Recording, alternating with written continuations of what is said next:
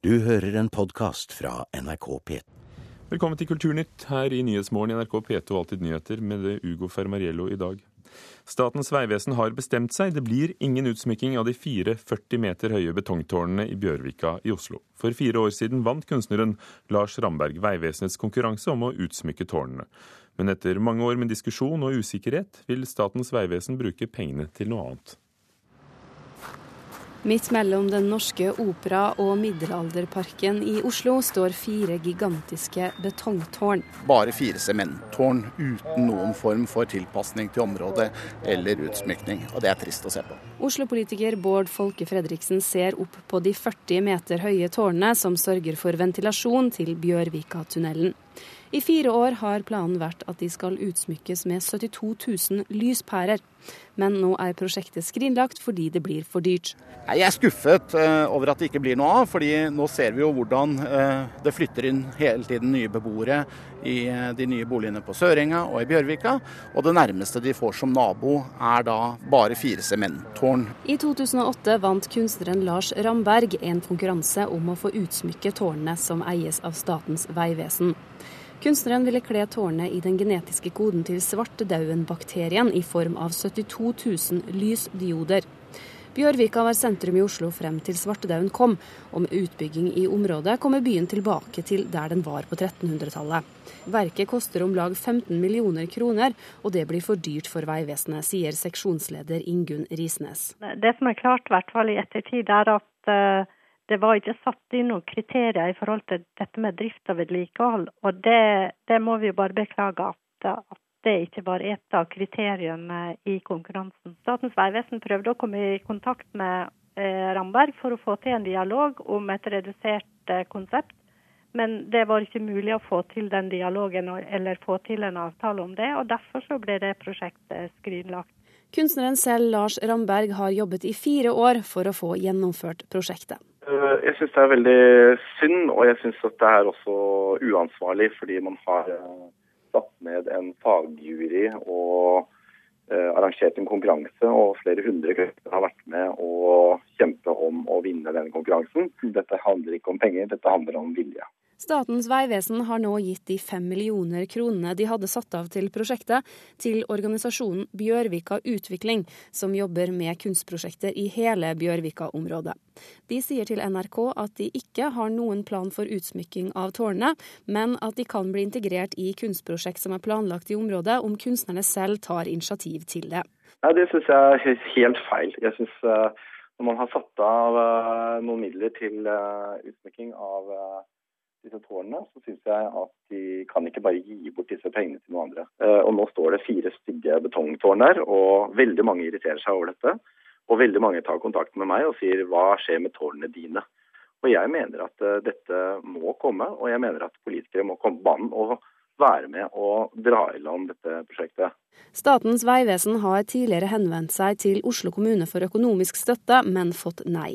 Folke Fredriksen fra Høyre mener dette er Vegvesenets ansvar. Men uh, jeg synes uh, det er såpass ille dette her, at jeg syns faktisk at vi får vurdere om vi skal beplante det med villvin eller annen raskvoksende veggplanter. Er det ikke en som heter Arkitektens trøst, som i dette tilfellet kunne passe svært godt? Og som kunne trøstet byråd for byutvikling i Oslo, Bård Folke Fredriksen fra Høyre. Reporter var Eirin Venås Sivertsen. Kulturkommentator Agnes Moxnes her i NRK, hvordan vil du si at eh, Vegvesenet har håndtert saken om utsmykkingen av de fire 40 meter høye tårnene i Bjørvika? Jeg syns dette er en veldig pussig sak, det må jeg bare si. Jeg skjønner egentlig ikke noe av den. fordi er det noen som kan kontrakter og store, kompliserte kontrakter som er basert på drift og vedlikehold, så er det jo Statens eh, vegvesen. Og de har fått til disse nasjonale turistveiene sine, som er et enormt vellykket eh, prosjekt, hvor de liksom jobber med arkitekter og, og kunstnere landet, altså land og strand rundt, på temmelig ødeliggende steder. Og så får de det altså ikke til på det som kommer til å bli Norges mest, eller altså et av Norges mest trafikkerte og tettest befolkede områder. Så det er rart, det er pinlig, og det er veldig pussig, syns jeg. De utlyste altså en konkurranse. Mange kunstnere deltok. Lars Ramberg vant, eh, og har brukt flere år på dette. Og så blir det ingenting. Hvorfor? Ja, det er et eller annet som ikke stemmer her, som vi ikke klarer å få tak i. fordi at eh, det er ved siden av denne kontraktsudyktigheten, da, så er det en mangel på smidighet fra Statens eh, vegvesens side. Og det åpner jo for spekulasjoner av typen er dette en, egentlig en politisk avgjørelse fra Statens vegvesens eh, side? Fordi Lars Ramberg er en politisk kunstner. Han skapte veldig mye spetakkel i Tyskland da han eh, satte opp ordet 'Zweifel', som betyr tvil, på det gamle østtyske nasjonalforsamlingens eh, bygg, som et slags tenkeord etter, at, etter samlingen av Tyskland. Og det ble ikke mindre bråk både i Norge og i Frankrike da han laget et nasjonalt monument av tre franske utedoer i, i rødt, hvitt og, og, blått. Så her er det egentlig bare å undre seg om Statens vegvesen på et eller annet vis har mislikt denne koblingen som vi hørte om her, mellom svartedauden og det utslippet av eksos og avgasser som kommer fra denne tunnelen. Selv om det blir ganske abstrakt med de 70 000 diodene, man skal vite det. Eh, Agnes Moxnes, eh, i fjor fortalte Kulturnytt for ett år siden akkurat at eh, Lars Strandberg var i dialog med private sponsorer, og han sa selv at det er ikke pengene det står på. Og Da sa Vegvesenet at eh, vi vil se på dette hvis det kommer et forslag. Og så er det tydeligvis ikke kommet. Betyr det at denne saken er opp og avgjort? Jeg vet ikke. Eh, det kan vel skje, men det virker jo som altså Det er jo hele tiden De har holdt på i fire år nå, de kan ikke fortsette med det. Men eh, det er beboere som skal inn i dette området, som flytter inn nå. Det er folk som skal passere der med biler. Eh, Oslos be, altså befolkning kan legge et press både på Statens vegvesen og ikke minst på politikerne. Lars Ramberg har jobbet iherdig med å få til dette her. Så nei, så det er mulig at denne historien ikke er over ennå. Og jeg er jo ikke helt sikker på at arkitektens trøst helt er løsningen på, på denne oppgaven. Takk, Agnes Moxnes.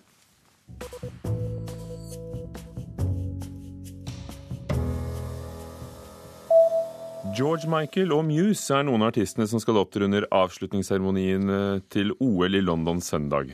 Det har i hvert fall de to selv uttalt. George Michael skrev det på nettstedet Twitter, men likevel arrangørene vil ikke bekrefte om det stemmer. Seremonien får tittelen En symfoni av britisk musikk, og kunstnerisk leder Kim Gavin sa for flere måneder siden at musikken vil spenne fra Edward Elgar til Adele, ifølge BBC. Og komponisten og teatereieren Andrew Lloyd Webber uttalte i vinter at sommer-OL ville slå i hjel musikal- og teaterlivet i London. Og så viser det seg at inntektene på teatrene hans har steket med 25% siden de olympiske lekene startet. Til The Telegraph sier Webber jeg er blitt motbevist, og ingen kan være gladere for det enn jeg. Blant musikalene han driver er Trollmannen fra Os og Operafantomet. En buddha-statue fra Thailand er blant kulturminnene som er blitt beslaglagt av tollvesenet det siste halvåret. Ifølge Dagens Næringsliv var buddha-statuen deklarert på vanlig måte, og verdien oppgitt til 3000 kroner. Men eksperter fra Kulturhistorisk museum fant at statuen er et sted mellom 100 og 150 år gammel, og dermed et, et kulturminne. Og statuen måtte sendes tilbake til Thailand på Kulturdepartementets regning, og saken er politianmeldt.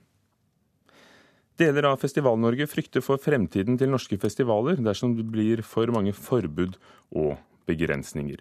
I går hørte vi at Helsedirektoratet vil sette en ny begrensning for festivalene.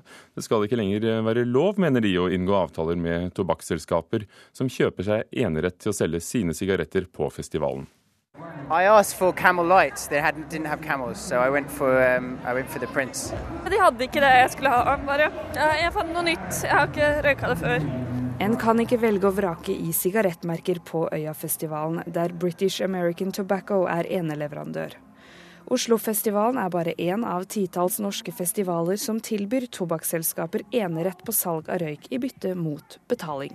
Helsedirektoratet mener at, eh, at tobakksindustrien eh, bruker denne type sponsing med et klart formål, nemlig å kommunisere produktene sine til forbrukerne.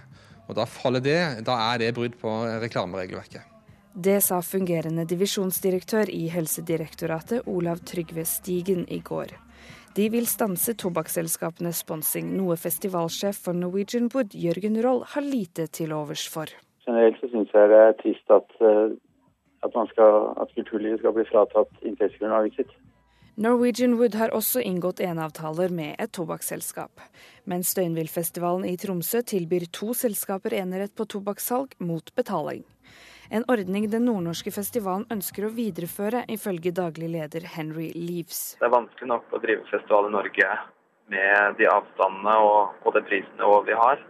Så vi ønsker å, å fortsette den, eh, det samarbeidet vi har hatt med tobakksleverandører eh, framover. Helsedirektoratet sier at de foreløpig konsentrerer seg om tobakksselskapenes festivalsponsing. Men om et eventuelt forbud skulle skape presedens for å forby tilsvarende festivalsponsing fra bryggeriene, kan det bli tøft for norske festivaler, frykter daglig leder i Døgnvill Henry Leaves. Dersom, eh, dersom det blir mange sånne begrensninger, så, så vil det helt klart kunne påvirke næringsgrunnlaget for uh, for de eh, kommersielle festivalene. Sa daglig leder i Døgnvill Henry Livs, til eh, vår reporter Karen Silte Hammeren. Du hører en podkast fra NRK P2. I morgen har eh, rockefilmen Rock of Ages kinopremiere i Norge. Vår anmelder Birger Vestmo har latt seg sjarmere av nostalgiske rockelåter, og så mener han at Tom Cruise eh, overbeviser som rockestjerne.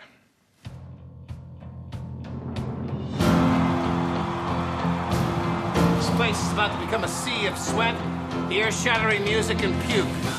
Rock of Ages spinner en historie over et knippe låter som vil vekke nostalgien hos et stort publikum. Historien er kanskje tynn og overfladisk, men låtene representerer rocken på sitt morsomste, nemlig den som prega hitlistene mot slutten av 1980-tallet. Denne musikalen er klisjéfylt så det holder, men kan til gjengjeld skilt med en Tom Cruise i fyr og flamme som gammel rockegud. Handlinga er lagt til Los Angeles i 1987. Sherry, spilt av Julian Hogue, kommer fra Tulsa, Oklahoma med store Hollywood-drømmer. På Sunset Strip møter hun den aspirerende rockeren Drew, spilt av Diego Boneta. Søt musikk oppstår på den nedleggingstrua baren Bourbon Room, samtidig som legenden Stacey Jacks kommer for å spille støttekonsert. Historien som fortelles er nok ikke fryktelig spennende. Den eksisterer kun som et påskudd for å bruke gamle sanger om igjen.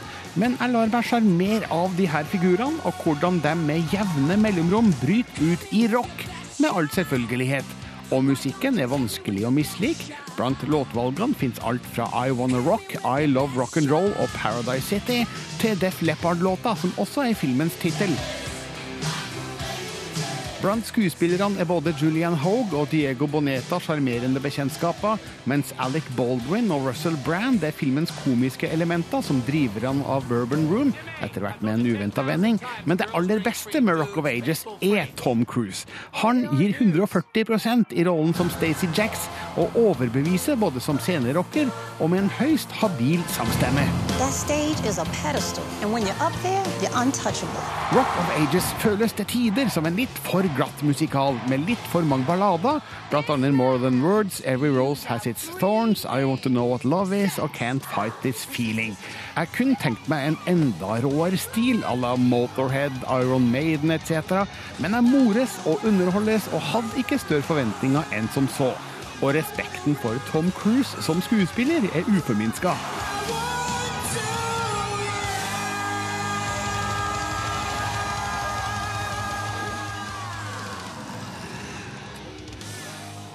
Birger Vestmo om Rock of Ages som har premiere på fredag. Denne og flere filmanmeldelser kan du også lese på nrk.no film. Etter ett år og ved Norske Teatret har eh, de som gikk ut fra Teaterhøgskolen i Oslo i fjor, et savn etter større politisk engasjement. Nå møtes de elleve skuespillerne for å oppsummere hvordan møtet med arbeidsmarkedet har vært. Eh, og det skjer med forestillingen Alt er sant. Den er en kvinne som står i skammen. Nei? Ja, nei. Elleve skuespillere står i ring på den mørke hovedscenen i Dramatikkens hus i Oslo. De jobber nå tolv timer i døgnet for å ferdigstille forestillingen Alt er sant, som har premiere nå på lørdag. Når vi lager forestillingen nå, så tar vi oss hele tiden og tenker at dette kan være en hvilken som helst arbeidsplass. Dette handler om hvordan man behandler medmenneskene sine og kollegaene sine og seg selv. Og hvordan man tar ansvar. Rett og slett. Det forteller Helle Haugsgjerd og Ine Marie Wilman, to av skuespillerne i forestillingen. Det var avtroppende kunstnerisk leder ved Dramatikkens hus, Kai Johnsen, som ga de elleve skuespillerne i oppdrag å lage forestillingen etter at de selv hadde lagd seminaret 'Visjoner for norsk teater'. De er et ganske spesielt fenomen. De har jobbet sammen ett år, de er elleve stykker. eh, Og de har klart å skape en felles plattform, både kunstnerisk og du kan si nesten sånn teaterpolitisk. De har klart å faktisk trekke ganske stort publikum og skape stor entusiasme rundt forestillingene sine. Samtidig som de, eh, selv om de er unge, har klart å bidra til å sette viktige spørsmål i norsk teater på agendaen. De elleve nyutdanna skuespillerne har til sammen jobbet ved ti ulike institusjonsteatre, og flere har også satt opp egne forestillinger med ulike frigrupper. Arbeidsmarkedet har jo endret seg eh, veldig mye for skuespillere de siste ti år. Det er ikke sånn nå at alle som er utdannet fra KIO får jobb i det hele tatt. Man må kjempe med nebb og klør som alle andre. Vi samtlige i klassen skrev mailer på mailer og ringte og ringte. Vi er nå alle i jobb, men eh, det er kun for kortere perioder. Det er bare noen få som har lengre kontrakter. Så vi er stilt på lik linje med alle andre og lager også vår egen arbeidsplass og blir bevisst vår egen skaperevne, som mye av innholdet i det fjerde året faktisk handlet om. da. To tredjedeler av gruppa har bare gode erfaringer fra arbeidslivet, mens resten har blandede erfaringer. Dårlig miljø, pengerot og store egoer er noe av det som har møtt de nyutdanna skuespillerne. Det er ikke alle i klassen som eh, bare har hatt gode erfaringer, og det tar vi også opp i forestillingen. Det er også et ønske om å si ifra om de tingene som ikke er bra, og at folk er nødt til å oppføre seg på en arbeidsplass. Og vi håper jo at gjennom at vi tør å være ærlige og vise både eh, måte de fine tingene og de mindre fine tingene, så kan det være en oppfordring til mer åpenhet og mer debatt på et større nivå. Skuespillerne har høye ambisjoner for seg selv og teatrets framtid. Og fjorårets avgangsklasse har ingen planer om å tie. Hvis teater skal være viktig, så må teater tørre å diskutere seg selv. Det gjelder på en måte ikke bare teater, det gjelder hele samfunnet. Um, så må man tørre å gå inn i de tingene som kanskje er vanskelig, og kanskje ikke er helt som de skal. Men det vi opplevde, var at det genererte også veldig mye frykt. At uh, um, plutselig ble det malt opp sånn at eh, folk mente at vi lagde sånn fiendebilde av oss mot dem og institusjon versus det frie feltet, hva nå enn det er, og sånne ting. Men det vi inviterte til, var en mer åpen debatt om teatret var så viktig som vi syns det bør være. Er det det? Jeg syns det virkelig har potensial til å bli veldig mye viktigere. Og det sa skuespiller Ine Marie Willmann ett år etter at hun gikk ut fra Kunsthøgskolen i Oslo til vår reporter Karen Sylte Hammeren. Og forestillingen har premiere lørdag 11. august på Dramatikkens hus i Oslo, så er det også sagt.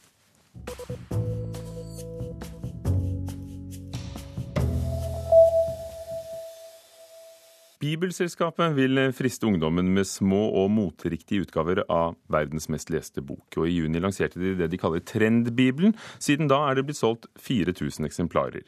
Disse har pocketbokstørrelse og kommer i tre varianter. En i lysegrønt skinn med mørkegrønne blader, en rosa med ekte beltespenne på, og en i dongeritrekk med brodert kors og glidelås. Også en til utendørsbruk.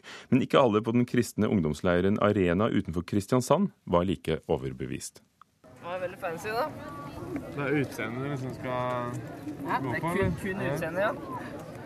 Så er det ikke noe for meg, sier jeg. Nei, du, du holder en, en rosa bibel her nå. Hva syns du? Jeg syns den egentlig ikke passer til meg. Eh, Men jeg ser potensial i at mange kanskje velger den. da.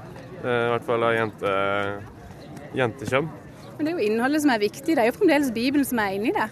Det er sant, men det kan hende virke mer artig å lese Bibelen når den ser litt annerledes ut enn en sånn brun skinnperm. På Dvergsnestangen utenfor Kristiansand så yrer det av ungdommer, kristne ungdommer, for her har KRIK sin eh, ungdomsfestival eh, arena. Og eh, dette året så er Ingeborg Mongstad Kvammen her, og det er i rolle av at du er generalsekretær for Bibelselskapet, at du faktisk er her for å pushe bibler. Og i år så er det jo en, en ny type bibler du har å, å komme med. Hvordan slår de an? Jo, de, de slår godt an. Altså, Jeg har tre trendbibler, en rosa, en grønn og en blå. Små. Og de, Tanken er at de skal være interessante for ungdom, og at de skal vare relativt kort, og så lager vi nye. Og Det er jo fordi at vi vil at det, det skal, altså innpakningen har noe å si for om du gidder å åpne boken. Sant? Så vi håper at flere kommer til å lese Bibelen for, ved at vi gjør dette. Og så I dag har jeg vært med havkajakkurset, og der pusha jeg vanntette Nytestamenter. De fikk det av meg. Får deg det til å, å ville kjøpe en ny bibel? Ja, kanskje, men jeg, har jo, jeg fikk jo konfirmantbibel i fjor, da, så Dette her er jo for, for å friste deg til å kjøpe en ny bibel. Er du frista? eh, Ja da, de var fine, de. Så ja. Ja, Hvor viktig er det for deg at Bibelen ser kul ut? Eh, Nei, det er egentlig ikke så veldig viktig for meg. Nei. Ja, hva syns du om at eh, Bibelen skal se trendy ut?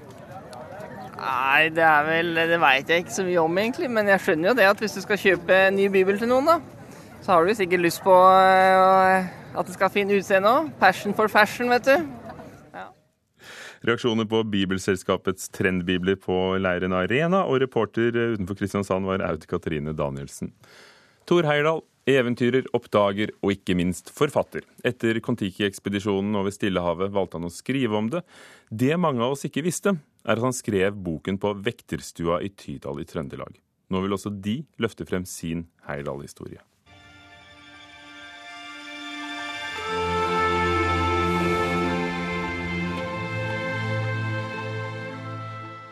En verden fulgte med i 1947, da Thor Heyerdahl reiste 8000 km over Stillehavet på en primitiv balsaflåte.